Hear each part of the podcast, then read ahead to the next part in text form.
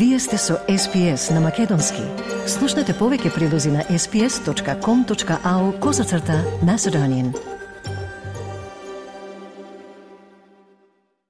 СБС им оддава признание на традиционалните собственици на земјата со почит кон народ Воронџерево и Воранг, припадниците на нацијата Кулин и нивните минати и сегашни старешини, како и традиционалните собственици на сите земји на абориджините и народите на Торе Стрейт.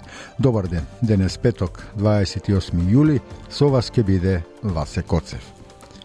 Денешната петочна и последна програма за оваа недела ќе ја започнеме со најновите вести, а издвојуваме дека месец јули ќе биде регистриран како најтопол месец до сега во човечката историја.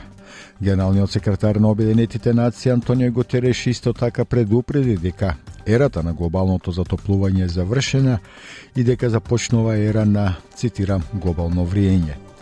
Повестите следува и редовниот извештај со најновите настани во Македонија, а вниманието е свртено кон најавените уставни промени. Имаме прилог за австралискиот пазар за недвижнини кои според експертите закрепнува, а кириите се зголемуваат. Ке слушнете и уште еден дел од разговорот со режисерот Горан Столески, а во минутите за спортот за резултатите на австралиските пливачи на светското првенство, но и поразот на Матилдас на светското првенство во фудбал за жени. Затоа, останете со нас, следуваат најновите вести со колешката Ана Коталеска.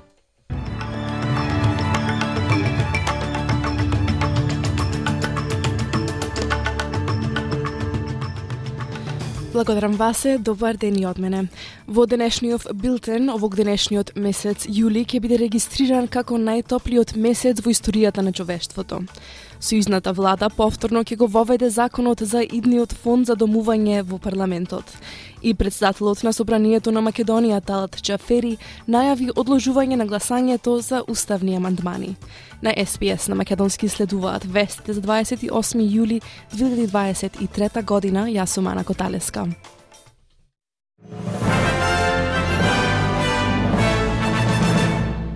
Генералниот секретар на Обединетите нации Антонио Гутереш вели дека ерата на глобално затоплување е завршена и дека започнала ерата на цитат глобално вриење. Според најновите податоци од Светската метеоролошка организација, месец јули оваа година ќе биде најтоплиот месец до досега забележан во, истри... во историјата на човештвото. Гутереш вели дека податоците сугерираат дека затоплувањето е предизвикано од човечки активности. Тој вели дека се уште може да се ограничи порастот на глобалната температура на 1,5 степени, но за тоа потребна е итна акција. Leaders must lead. No more hesitancy, no more excuses, no more waiting for the others to move first. There is simply no more time for that. It is still possible to, meet, to limit global temperature rise to 1.5 degrees Celsius and avoid the very worst of climate change, but only with dramatic, immediate climate action. Шумски пожар во централна Грција предизвика серија силни експлозии во складиште за муниција на воздухопловните сили. Се уште нема извештаи за повредени во објектот во близина на грчкиот град Волос кој беше евакуиран. Најмалку пет лица загинаа во пожарите кои беснеат низ делови на земјата во текот на последните две недели. Стотици пожарникари, поддржани од сили на Европската Унија, се борат да го стават под контрола пламенот на островите Родос, Крф и Евија. Грчкиот премиер Кириакос Мицотакес вели дека земјата треба да направи повеќе во борбата против климатските промени. Соединетите држави издадоа предупредување за опасност од високи температури за работниците низ земјата, додека продолжува топлотниот бран. Официјален представник на Белата куќа вели дека ова е прв пат да се издаде такво предупредување, за да се заштитат работниците, вклучително и оние во градежништвото и земјоделството. Речиси 40 од 100 од популацијата на САД се наоѓа во делови за кои важи предупредувањето. Председателот Џо Бајден вели дека некој век, дека никој веќе не може да го негира влијанието на климатските промени кои ги чувствуваат над 100 милиони граѓани во земјата. I don't know anybody who honestly believes climate change is not a serious problem. Just take a look at the historic floods in Vermont and California earlier this year. Droughts and hurricanes that are growing more frequent and intense, wildfires spreading a smoky haze for thousands of miles, worsening air quality. The record temperatures, and I mean record, are now affecting more than 100 million Americans. Федералните обвинители во Соединетите држави го проширија кривичното обвинение против поранешниот председател Доналд Трамп. Адвокатите на Трамп биле известени за нови обвиненија поврзани со попречување и намерно задржување на информации за национална безбедност, додавајќи ги на 37 кривични дела со кои тој веќе се соочува. Портпаролот на господин Трамп вели дека новите обвиненија се уште еден обид на администрацијата на председателот Џо Бајден да го цитат малтретира поранешниот председател и да влијае на изборите наредната година. Обвинителите исто така поднесоа нови кривични пријави против работник за одржување на одморалиштето Маралаго на господин Трамп во Флорида. Тие го обвинија Карлос де Оливиера дека му помогнал на својот работодавец да ги избегне службениците, кога тие се обидувале да вратат чувствителни документи за национална безбедност, кои тој ги зел од Белата куќа. Сојузната влада на Австралија најави дека наредната недела повторно ќе го воведе нацрт законот за, домув, за домување во представничкиот дом кога парламентот се враќа од зимскиот одмор. Предлог законот за фондот наречен Housing Australia Future Fund вреден 10 милиарди долари во март заглави во Сенатот, откако Зелените и коалицијата одбија да го поддржат. Премиерот Антони Албанезе вели дека барањето на Зелените за замрзнување на зголемувањето на киријата не е можно бидејќи тоа зависи од државните влади. Тој вели дека зелените всушност бараат од владата да ги укине правата на државите и во некои случаи приватниот пазар за недвижности. What we're not doing uh, is uh, abolishing the states, which is essentially what uh, the Greens say we'll vote for your bill as long as you abolish the states or, in some cases, abolish the private housing market. Uh, we're not doing that. Uh, what states and territories are doing is looking at their jurisdictions, and we'll have a discussion about renters' rights and some themes there, but it won't be a uniform system. Министерката за надворешни работи на Австралија Пени Вонг вели дека безбедноста и соработката во Пацифичкиот регион ќе бидат на врвот на агендата, заедно со климата, на состанокот на Осмен, односно министерските консултации меѓу Австралија и САД. Државниот секретар на САД и секретарот за одбрана денеска треба да се сретнат со нивните австралијски колеги пред работниот ручек со премиерот. Сенаторката Вонг за ABC рече дека Соединетите Американски држави се необходни за стабилноста, мирот и просперитетот на регионот. They are uh, indispensable to the, the balance in the region, the strategic equilibrium, uh, how we make sure we get the region we want, peaceful, stable, and prosperous, where sovereignty is respected. The US is indispensable to that. Подржувачи на затворениот основач на Wikileaks, Julian Assange, ги повикуваат австралиските министри да се заложат за неговото ослободување на средбите со нивните колеги од, од Соединетите Американски држави. Братот на Асанж, Габриел Шиптон, вели дека состаноците на Осмен може да бидат последниот пат премиерот и државниот секретар на САД да се сретнат пред Асанж да се соочи со екстрадација од Британија во Америка. Господин Шиптон вели дека тие би можеле да помогнат да се стави крај на цитат кошмарот со кој се соочува неговиот брат. 51 годишниот австралиец се наоѓа во затвор во Лондон од 2019 година. Асанж е гонет од страна на САД поради протекувањето на илјадници документи во 2010 година за операциите на САД во Ирак и Афганистан. Помошник комесарот на полицијата на Нофижен Велс вели дека новата специјалистичка работна група, формирана за да ги испита врските помеѓу серијата престрелки и организираниот криминал, може да биде проширена доколку тоа е потребно. Работната група беше објавена вчера по петтиот напад со огнено оружје во Сиднеј оваа недела. Помошник комесарот Дейвид Хадсен изјави за Канал 7 дека 100 полицајци се вклучени во работната група, поради стравувањата дека војните To um, get out there amongst uh, the criminal element um, and uh, gain information, um, turn people over, do what we have been doing for the last 18 months in preventing um, further escalation of these matters. Um, that 100 people, however, can grow at any time um, based on a needs basis. If we need more, we will put more into it. Председателот на Македонското собрание Талат Джафери најави одложување на гласањето за уставните амандмани кои треба да бидат на дневен ред на собранието на пленарната седница закажана за 18 август. Джафери вели дека расправата треба да трае најмногу 10 дена и дека не е врзана со чинот на гласањето, односно не мора веднаш по незиното завршување да се гласа. Председателот на собранието пред новинарите рече дека ноември е крајниот рок за гласање, кога Европската Унија и Македонија треба да го завршат скрининг процесот. Но председателот на ВМРО ДПМН Христијан Мискуски оваа изјава на Джаферија толкува како цитат купување време. Тој за новинарите рече дека пратениците на ВМРО ДПМН ќе присуствуваат на пленарната седница на 18 август, но дека ќе гласаат против потребата за отворање на уставот. Борбата е како да го поминат месец август и дополнително да манипулираат со, со граѓаните и со јавноста, бидејќи се под притисок за избори на есен. А избори на есен за делот а, владините министри кои што се делот помалиот коалиционен партнер СДСМ ќе значи крај на нивната политичка кариера. СДСМ пак изминативе денови ги повикува пратениците да гласаат за промена на уставот, зашто во спротивно, како што тврди оваа партија, следува изолација.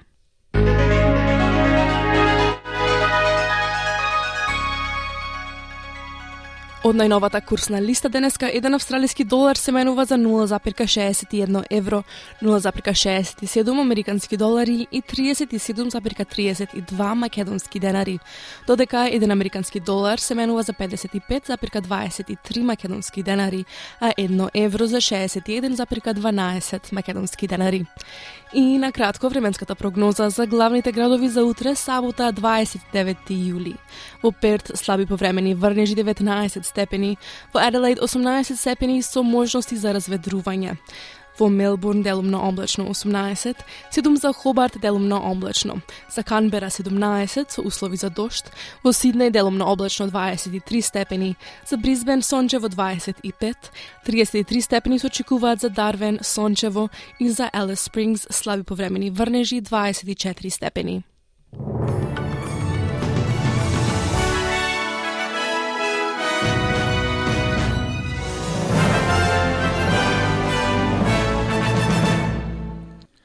На програмата на Избес радио на македонски јазик ги слушнавте најновите вести со колешката Ана Коталеска, а денешните вести можете да ги најдете подоцна во текот на денот на нашата веб страница sbs.com.eu косацрта Macedonian или пак на нашата Facebook страница SBS Маседонија. Сега следува а, првиот блок а, маркетинг со неколку пораки од SBS, а потоа програмата ја продолжуваме со редовниот извештај од Македонија. А со вас почитувани до крајот на програмата ќе остане Васе Коцев. Програмата на македонски јазик на СБС радио ја продолжуваме со извештајот од Македонија денес подготвен од нашиот соработник и известувач Бране Стефановски. Известува на повеќе теми, меѓу кои за тоа дека председателот на собранието Талат Джафери најави одложување на гласањето за уставните амандмани. Парламентарното мнозинство се ситни со формирање нови партии во албанскиот блок политички партии. Европскиот мониторинг на судскиот совет почна, а вчера по подолго боледување почина и македонскиот композитор Кире Костов. Нашиот известувач Бране Стефановски известува и за инцидентите пред фудбалскиот надпревар на Шкупи со Левскиот Софија во второто квалификацијско коло од Лигата на конференции. За овие настани пообширно во извештајот.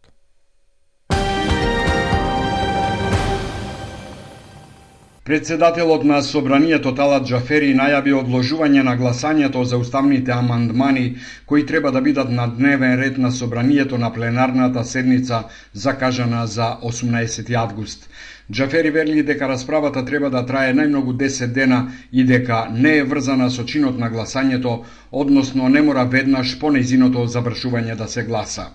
Председателот на собранието пред новинарите рече дека ноември е крајниот рок за гласање, кога Европската Унија и Македонија треба да го завршат скрининг процесот. И во тој контекст формално, значи, собранието ќе почне со работа на 18 а чинот на гласање дали ќе биде по завршување на расправата или ќе биде одложено, тоа зависи од конкретната состојба Председателот на ВМРО ДПМН е Христијан Мицкоски оваа изјава на Джафери ја толкува како купување време. Тој за новинарите рече дека пратениците на ВМРО ДПМН ќе присуствуваат на пленарната седница на 18 август, но дека ќе гласаат против потребата за отворање на Уставот. Борбата е како да го поминат месец август и дополнително да манипулираат со, со граѓаните и со јавноста, бидејќи се под притисок за избори на есен. А избори на есен за делот владините министри кои што се делот помалиот коалиционен партнер СДСМ ќе значи крај на нивната политичка кариера. СДСМ пак изминативе денови ги повикува пратениците да гласаат за промена на уставот, зашто во спротивно, како што тврди оваа партија, следува изолација. Доскорешните пратеници на Дуи Изет Меджити и Мерита Коджаджику и пратеникот Кастриот Реджепи, кои најавија формирање ново политичко движење преку видео на социјалните мрежи, соопштија дека од вчера ќе действуваат како независни пратеници во собранието. Актуелниот подпредседател на БЕСА Арианит Ходжа, заедно со пратеникот Бастри Байрами, и нивните поддржувачи се одцепуваат од матичната партија.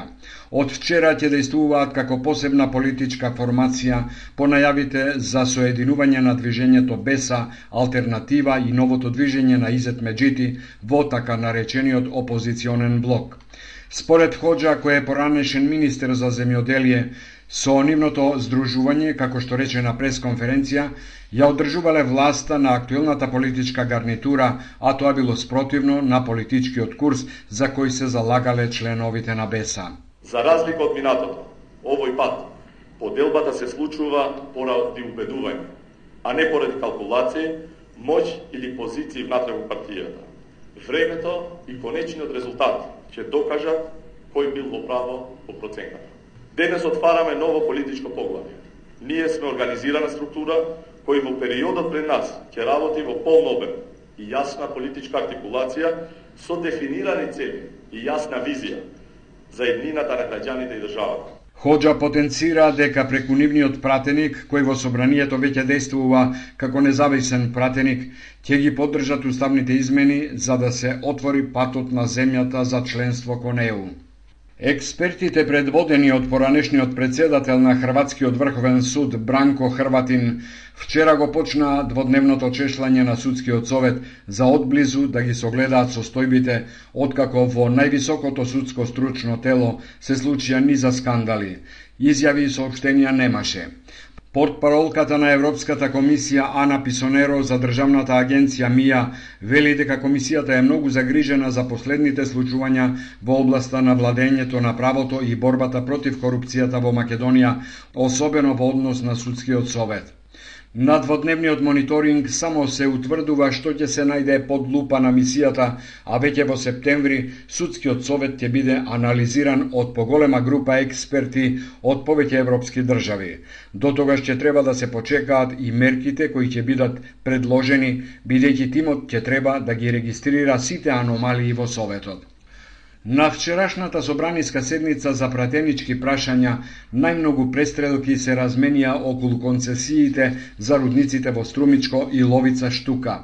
Пратеникот на ВМРО ДПМН е Тони Јаревски рече дека тие што гласале за спојувањето на концесиите сега божем не знаат за што гласале.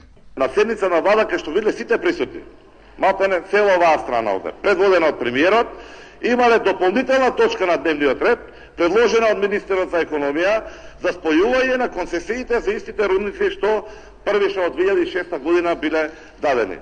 Има издадено уште на 2016 со рокот 4 години за кој што не постапени не е одземена од Југоистокот истоков рокот. Тоа е многу интересна работа.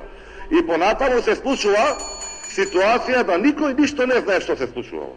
Министерот за економија Крешник Бектеши откако завчера објави дека се поништува одлуката за спојување на концесиите за рудникот, вчера одговорницата му возврати на Јаревски одговорите да ги бара во својата партија, бидејќи, како што истакна тој, на голем дел од документите стоеле подписи од функционери на ВМРО ДПМНЕ. Ќе го спомнете Јорце Камчев и Зоран Ставлевски кој ви го напишал говорот од Белата палата, пошто тој ја дал концесијата Ќе го спомнете и Никола Груевски, која подпишал концесијата за експлоатација, но знам зашто не ги спомнувате. Заради тоа што ми изгледате како водовод, како цевка на водовод.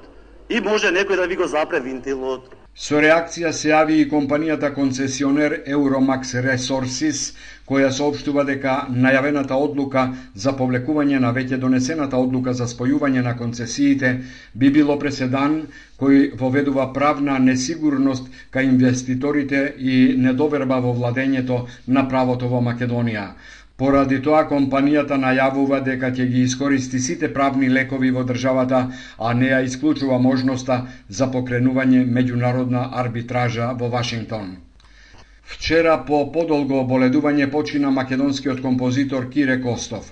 Костов е роден 1949 година во Битола. Автор е на 50 оркестарски джез композиции. Од областа на популарната музика има околу 300 наслови како композитор Летај галабе кога те нема, Твоите очи сине, Синот Божи, Тајно моја, Илузија и многу други и уште толку како аранжер на композиции на други автори. Кире Костов беше еден од основачите на фестивалот за деца и млади СИДО, што се одржуваше во Битола од 1991 до 2000 година и уметнички директор на Интерфест Битола за популарна музика. Добитник е на бројни награди и признанија. Пред фудбалскиот надпревар меѓу Шкупи и Софиски Лепски се случија неколку инциденти во Скопје. Попладнето беа нападнати автомобили со бугарски навивачи во Чаир, Локалните жители фрлале канти и удирале по возилата на гостите, при што еден од гостите бил прободен со нож, потврди МВР, па веднаш пренесен в болница. Потоа непосредно пред почетокот на дуелот дојде до судир во подтрибинскиот простор на градскиот стадион арената Тодор Проески. Навивачите на Левски влегоа во судир со полицијата, па дел од нив беа приведени. На многу лош терен на националната арена Тодор Проески во Скопје, Левски победи со 2-0 во првиот меч од второто квалификационо коло во конференциската лига, па че Ирчани се пред елиминација од третото по ранг надпреварување. Ете тоа беше извештајот од Македонија денес подготвен од нашиот соработник Бране Стефановски. Извештајот, како и вестите што ги слушнавте предходно заедно со останатите наши содржени интервјуа прилози, можете да ги најдете на нашата веб страница sbs.com.eu косацрта Macedonian, но и на Facebook SBS Macedonian. А SBS радио на македонски можете да слушате секој ден од понеделник до петок, точно напладне, преку радио, онлайн и на мобилен. Сега следува краток одмор со една а, македонска песна, потоа и вториот блок маркетинг, а програмата ќе ја продолжиме со прилози на домашни австралијски теми. Вие сте со програмата на македонски јазик на SBS радио, денес со вас Ева Секоцев. По музичката нумера и рекламниот блок, програмата ја продолжуваме со прилог на домашна австралиска тема актуелна во моментов, имено Австралискиот пазар за недвижнини закрепна 4 пати побрзо во текот на кварталот јуни, отколку предходните три месеци. Аналитичарите велат дека закрепнувањето наскоро би можело да забави, што ги отвара пак вратите за изнаемувачите кои се подготвени да купат свој дом. За оние пак кои не се, сепак има уште тесни услови. Бараните кири се се уште високи, но и се очекува да се зголемуваат. Прилогот за SBS News го подготви Тис Очузи.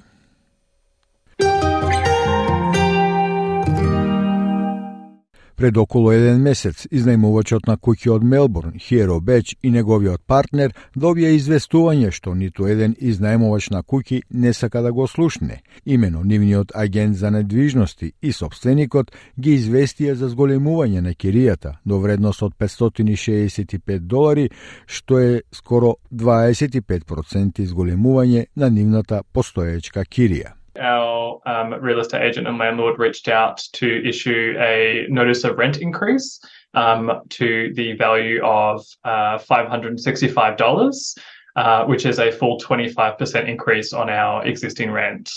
Um, so, needless to say, that that's caused a lot of anxiety and stress for us. Um, and we've um, started hunting for houses because there's simply no way that we can afford such a steep increase. Хиеро работи како писател, академски застапник и застапник за изнајмување и живее во истиот стан повеќе од 5 години. Во време на зголемување на каматните стапки, иако овонеделните вести велат за забавување на инфлацијата, за нив не беше олеснување. Тој вели дека нема планови или очекувања некогаш да поседува собствен имот, дека ќе може да заштеди доволно за да се качи на скалата на имотот. Според него, растечките цени на куќите значи дека домувањето станува се пофинансирано и недостапно за многумина, ако не и за повеќето луѓе. И дека една третина од домакинствата сега живеат во стрес за изнајмувањето. I can very confidently say that I have no plans or expectations to ever own my own property. Like many people, I've been a renter all my life and I expect to be a renter for all my life because there's simply no way that I will ever be able to save enough to get onto the property ladder. Um, in terms of what these rising house prices means, it, you know, it means that, um, you know, housing has become increasingly financialized and unaffordable for for for many, if if not increasingly most people. You know, um, one third of of households are now living in rental stress. Rental stress has become the norm, um, and so that certainly doesn't fill me with hope for the future. No, za drugi, kako Steven Kwan, тесниот пазар за изнајмување е помалку загрижувачки. Господин Куан е така наречен изнајмувач, што значи дека поседува имот, но живее во изнајмен дом многу поблиско до работата, пријателите и семејството. Тој вели дека во оваа фаза не бара да се насели во одредена област и може би да има дом за живење, бидејќи тоа не е во рамките на долгорочната цел што сака да ја постигне. At this stage we're not looking at to settle down any to a particular area um, and and maybe have um, a home to live in because uh, that maybe not within the, the long term goal that we want to achieve. Um, with the rental market again um, being being on the both side of the equations, um, as the investor, the interest also rising, the rental also rising, so that's the balance now. На национално ниво, цените на куќите се покачија за 3,4% во комбинираните главни градови по декемврискиот пат. Сиднеј забележа најголем раст од 6,7%, а потоа следат Дарвин, Брисбен и Хобарт. Аделајт и Перт достигнаа рекордни цени, додека Камбера остана стабилна. Недостигот на нови куќи на пазарот од минатата пролет беше клучниот фактор кој го подкрепуваше тоа закрепнување до сега. Шефот за истражување и економија на домеин, доктор Никола Пауел, објаснува дека можеше да се види дека за време на палот на вредноста на цените на куќите, дека продавачите беа настрана и тоа е токму она што се виде во изминатиот период додека по закрепнувањето на цените на куќите може да се види дека некои се појавија на пазарот за продавање на куќи. What you tend to find during a downturn is sellers do sit on the sidelines, and that's exactly what we saw. But what we have seen is a, a, persistent recovery in Australia's housing market, and I think that's been enough to pull some sellers back to market. We've had a number of months where we've got pent up supply which has been built, and I think what we're seeing now is that price recovery has been enough to really bring some of those uh, sellers to market. Тоа е пресврт за кој експертите велат дека може да се види дека растот на цените почнува да забавува. Корелоджик вели дека расте и бројот на аукции. Тие се зголемени за 17,3% оваа недела во однос на минатата. но Камерон Кушер од PropTrack вели дека за оние изнајмувачи кои се уште не се подготвени да купат, малиот број на огласи за изнајмување го влоши притисокот. Um, so if we look nationally, uh, the number of properties on the market uh, for rent this year was 2.3% lower than it was a year ago. A year ago, it was the lowest it's ever been. So we're talking about yes, it's only marginally lower, but we're talking about historic low volumes of properties available for rent. Рекламираните неделни кири низ главните градови беа 550 долари неделно во јуни, што представува скок од 17% во изминатите 12 месеци. Сепак, регионалните пазари останаа стабилни со 480 долари неделно. Тоа не е голема утеха за Хиеро Беч, кој живе во натрешните предградија на Мелбурн. I don't think there is a renter in the entire country that feels confident that they will be able to find somewhere affordable to live, um, somewhere secure to live.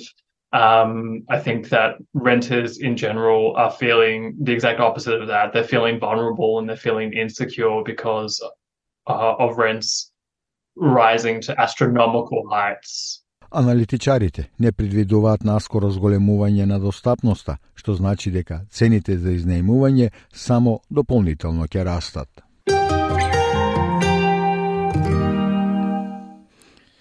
Во продолжение следува и уште еден дел од разговорот од нашата архива со режисерот Горан Столевски, австралијско-македонски режисер кој е роден во Македонија, но мигрирал во Австралија како тинејџер. Студирал креативни уметности на Универзитетот во Мелбурн, како и магистерски студии по филм и телевизија на Викторискиот коледж за уметности. Во 2016 година Горан Столевски освои наградата Рубен Мамулијан за најдобар режисер на филмскиот фестивал во Сиднеј со филмот Ти заслужуваш се. Тој учествува и на кампус за таленти во Берлинале и Мелбурнскиот интернационален филмски фестивал. Неговите 25 кратки филмови се прикажени на повеќе од стотина фестивали на шест континенти. Со режисерот Горан Столевски разговара колешката Маја Талеска за неговите разни карактеристики на двата долгометражни филмови Of an Age и You Won't Be Алон, како и за третиот филм Домакинство за почетници. What's going on? It's my going away dinner. When are you flying? Tomorrow.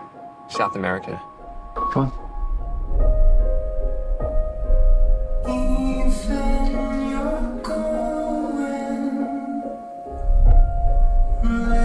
You probably just want to get to bed.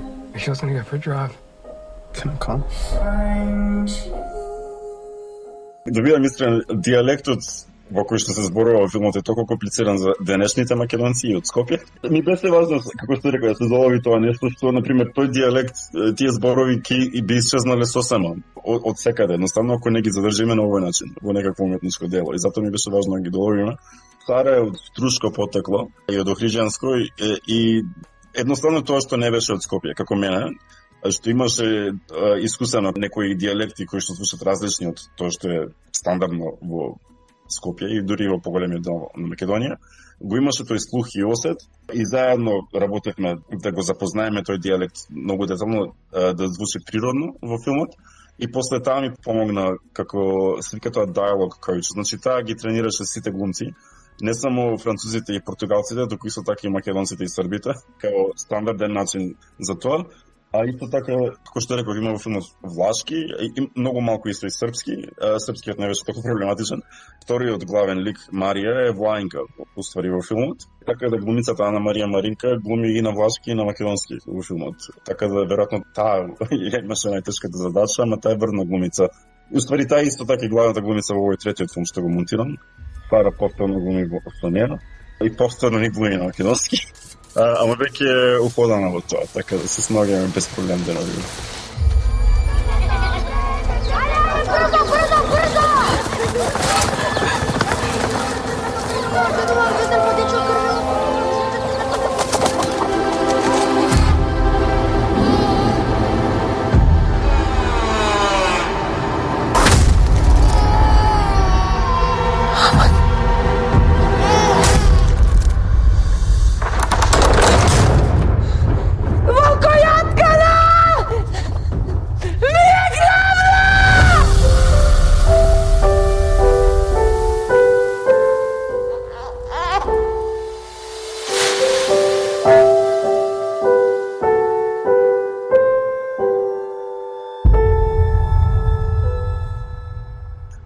Едноставно речено за жена во Македонија, често партнерка умира и, и остава две керки да ги гледа, а партнерката е ромка. И девојчињата воопшто не сакаат да им биде мајка, а таа воопшто не сака исто така да им биде мајка и влегуваат во некој стукоп. Поголемиот дел комичен на филмот не е само тешка драма, ама осилено има и некои тешки елементи во него. Ја не знам дали сум толку идеалист. Мене е поважно да правам филмови што се интересни за гледање. Идеологијата моја очекувам дека сама ќе се најде во, во филмот, ама поважно ми е да правам филмови приказни што се интересни за гледање, за било кого, не само за толерантни и нетолерантни луѓе. А, мислам дека најновиот филм би бил смешен и интересен и допирлив за, за било кој да го гледа. И, и мислам дека најважното е што може да се направи како уметник е да прикаже луѓе како што живеат денеска од, од било какви секоја врста на човек или жена да биде прикажана на некој начин кој што е интересен за гледање, кој што може да се поврзе со гледачот без некои идеолошки не, не би сакал некој да се да се чувствува дека им држам лекција дека ги гледаат филмовите мои зато, затоа што тоа воопшто не ми е важно. Поважно ми е да, да бидат поврзани емотивно со главниот лик.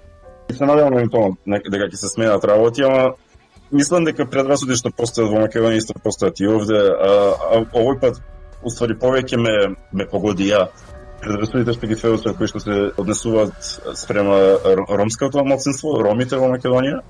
А ромите се третирани на еден лош начин не само кај нас, туку во скоро секаде. Така да не сакам премногу да потенцирам за колку е негативно нешто кај нас, што мислам дека во многу места во светот е исто така.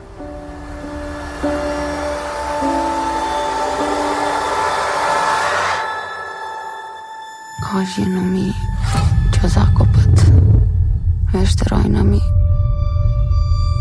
не чамашат.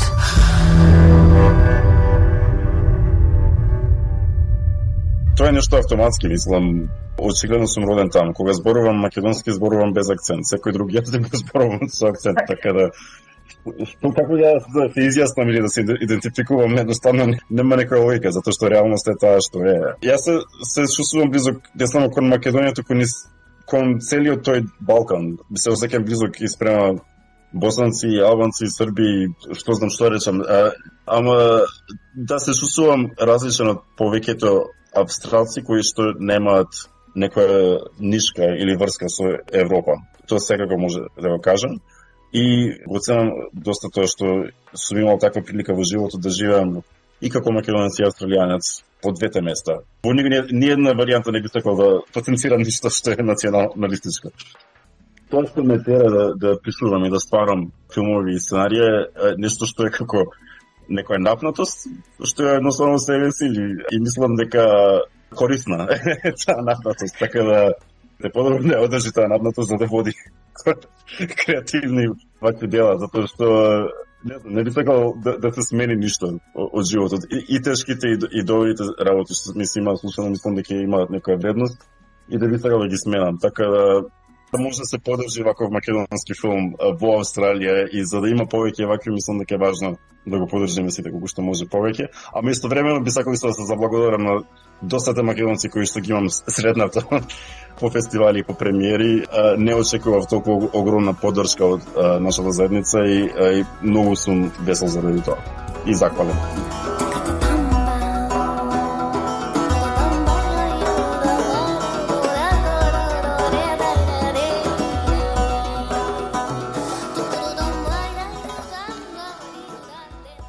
Ете, тоа беше разговорот со режисерот Горан Столевски, австралиско-македонски режисер, разговор од нашата архива, со него разговараше колешката Маја Талевска, Инаку Горан Столевски е роден во Македонија, мигрирал во Австралија како тинејџер, студирал креативни уметности на Университетот во Мелбурн, како и магистерски студии по филм и телевизија на Викторискиот колеж за уметности, зборуваше за своите филмови долгометражни филмови Orphanage и You Won't Be Alone.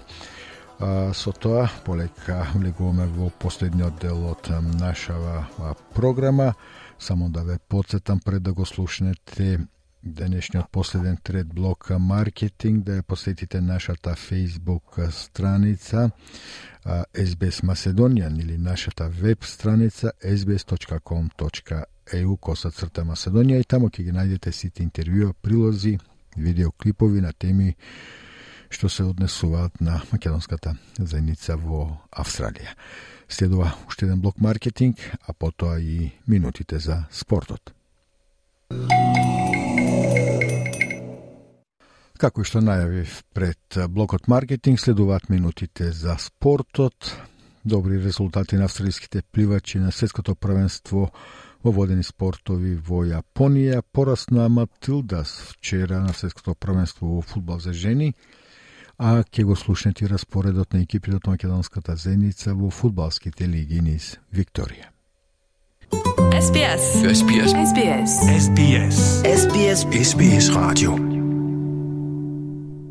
Минутите за спортот ги започнуваме со пливањето. Имено австралискиот пливач Кайл Чалмерс го освои златото на 100 метри слободно за мажи на светското правенство во спортови на вода, што се одржува во Јапонија. 25 годишниот Чалмерс сега има златни медали од Олимписките игри, игрите на Комонвелтот и светското правенство во оваа дисциплина. Пливачката Кейли Мекеун постави австралиски рекорд победувајќи во финалето на 50 метри грбно за жени со 27 секунди и 8 стотинки. А тимската колешка Лиз Декерс освои сребро во женска конкуренција на 200 метри пеперутка. И додека австралиските пливачи на светското првенство бележат забележителни успешни резултати на светското првенство во фудбал за жени што се одржува во Австралија и Нов Зеланд, домакинките Матилда са вчера претрпеа пораз од Нигерија со 3 спрема 2 на преполниот стадион во Бризбен.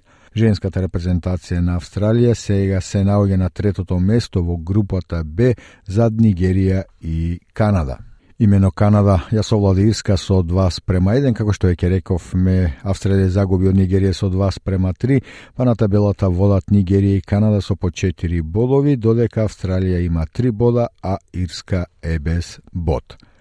Матилдас најверојатно сега ќе мора да ја победи во следното коло од групната фаза Канада, Сребата се игра во понеделник, повторно ќе настапи без Сем Кер за евентуално да избегне испаѓање од групната фаза на светското правенство. Емили Ван Егмонт, која го постигна водечкиот гол на Австралија, за ABC рече дека Матилда сепак може да се опорават од овој пораз.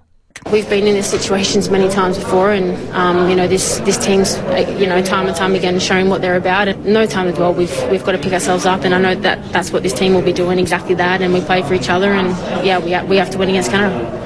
А на светското првенство вчера во групата Е Соединетите Американски држави одигране решено со Холандија 1 спрема 1, а Португалија совлада Виетнам со 2 спрема 0. Во оваа група водат Соединените Американски држави Холандија со по 4 бода, Португалија има 3, а Виетнам е без бодови. Денес играат во групата Д Англија против Данска, а Кина против Хаити, а се игра еден надпревар од групата Г, каде Аргентина ќе ги одмери силите со Јужна Африка. Остануваме и понатамо со фудбалот и резултатите на македонските представници во квалификацијското коло во конференцијската лига во Европа. Струга вчера ја совлада будучност од Подгорица со 1 спрема 0, додека Шкупи на домашен терен забележа пораз од Левски од Софија со 0 спрема 2.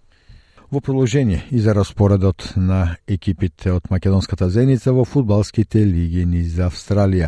Во премиер лигата на Викторија се игра 24-тото коло, остануваат уште две кола до крајот, а Алтона Меджик Вардар го игра можеби најважниот натпревар во сезона Противник е екипата на Саут Мелбурн. Средбата се игра утре со почеток од 18 часот и 15 минути.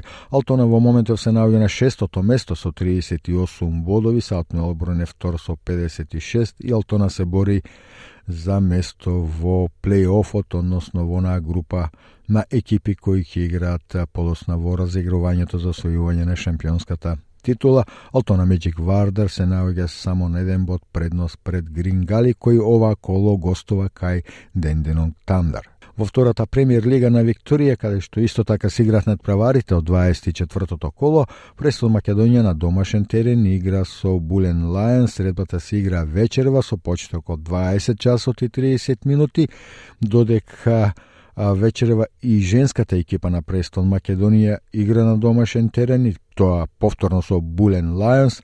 Средбата започнува во 6 часот и 15 минути, значи двојна програма на стадионот на Престон. Македонија и двете екипи играат на домашен терен против Булен Лајонс.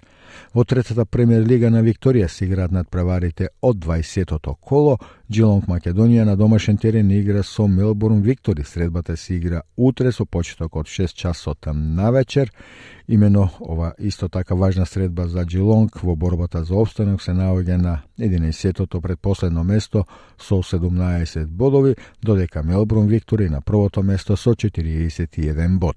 Во првата државна лига на Викторија, северозападна група, се играат на треварите од 19-тото коло, автори од Сиднам Парк Македонија. Овој викенд гостува кај Бенелайн Сити. Средбата се игра утре сабота со почеток од 3 часот попладне, а во ова 19-то коло и Лалор Слога Юнайтед гостува кај Клифтон Хил, тоа е надпревар од втората Државна лига на Викторија, северозападна група, средбата се игра исто така утре со почеток од 3 часот попладне. Во премиер лигата на Нов Јужен Вилс играат надпреварите од 26-тото коло, а Рокдейл Илинден на домашен терен игра со Маркони Стадионс. Сребата се игра во недела со почеток од 3 часот попладне, дерби на колото, надпревар помеѓу вториот Рокдейл и третиот Маркони. Во првата лига на Викторија се играат исто така надпреварите од 26-тото коло, а Бенгстаун Сити, односно Сидне Македонија, на домашен терен игра со Маунтис Вондерерс. Во Илавара премиер лигата се играат надправарите од 20-тото коло Кринджила Лајонс на домашен терен игра со Коримал Рейнджерс, средбата се игра вечерва, петок со почеток од 20 часот, додека утре со почеток од 2 часот и 30 минути Волунгон Юнайтед на домашен терен игра со Саут Кост Юнайтед. Во премиер лигата на Западна Австралија се на надпреварите од 19-тото коло, Стирлинг Македонија кој во моментов е на второто место на табелата, на домашен терен игра со Соренто. Во премиер лигата на Северниот регион на Нов Јужен Вилс овој викенд ќе се игра финалето на државниот куп на Северниот регион на Нов Јужен Вилс, а таму учесник во финалето е екипа од Македонската зеница, односно Бродмедо Меджик, за противник ќе има екипата на Edgeworth FC. Средбата се игра утре сабота со почеток од 17 часот и 30 минути.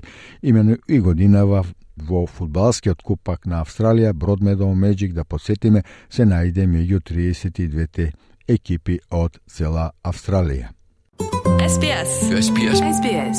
SBS. SBS. SBS Radio. Ете со минутите за спортот, полека стигнуваме до крајот на денешнава програма. Пред да се одјавиме, само уште едно сообщение Имено Македонската православна општина за Мелбурн и Викторија и Македонската православна црква Свети Ѓорги пресвета Богородица од Мелбурн по повод Тилинден, односно 120 годишнината од Тилинденското востание во среда на 2 август годинава ќе одбележи ова 120 годишнина со а, панахида пред споменикот на Гоце Делче во дворот на црквата, каде што и делегации на македонски организации, друштва и спортски клубови ќе може да положат свежи цвекиња и венци пред а, споменикот на Гоце Делчев, а посвеченоста Македонската православна општина за Мелбурн и Викторија ќе приреди топол прием за сите присутни во помошните простори на црквата за повеќе информации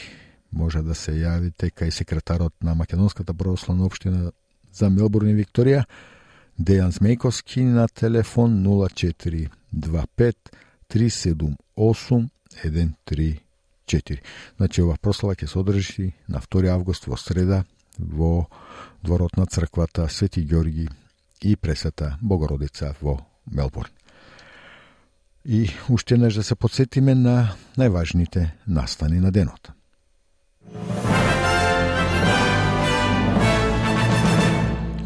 Овогодишниот месец јули ќе биде најтопол, најтопол месец регистриран како најтопол во историјата на човештвото. Австралиската влада повторно ќе го воведе законот за идниот фонд за домување во парламентот. Председателот на Собранието на Македонија Тала Ферин најави одложување на гласањето за уставните амандмани.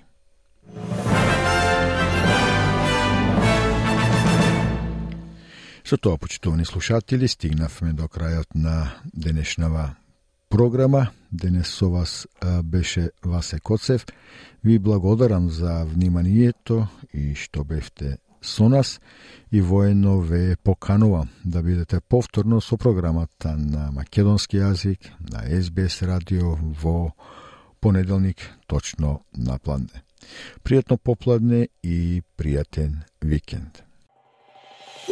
Сакате ли да чуете повеќе прилози како овој? Слушате подкаст преку Apple Podcasts, Google Podcasts, Spotify или од каде и да ги добивате вашите подкасти.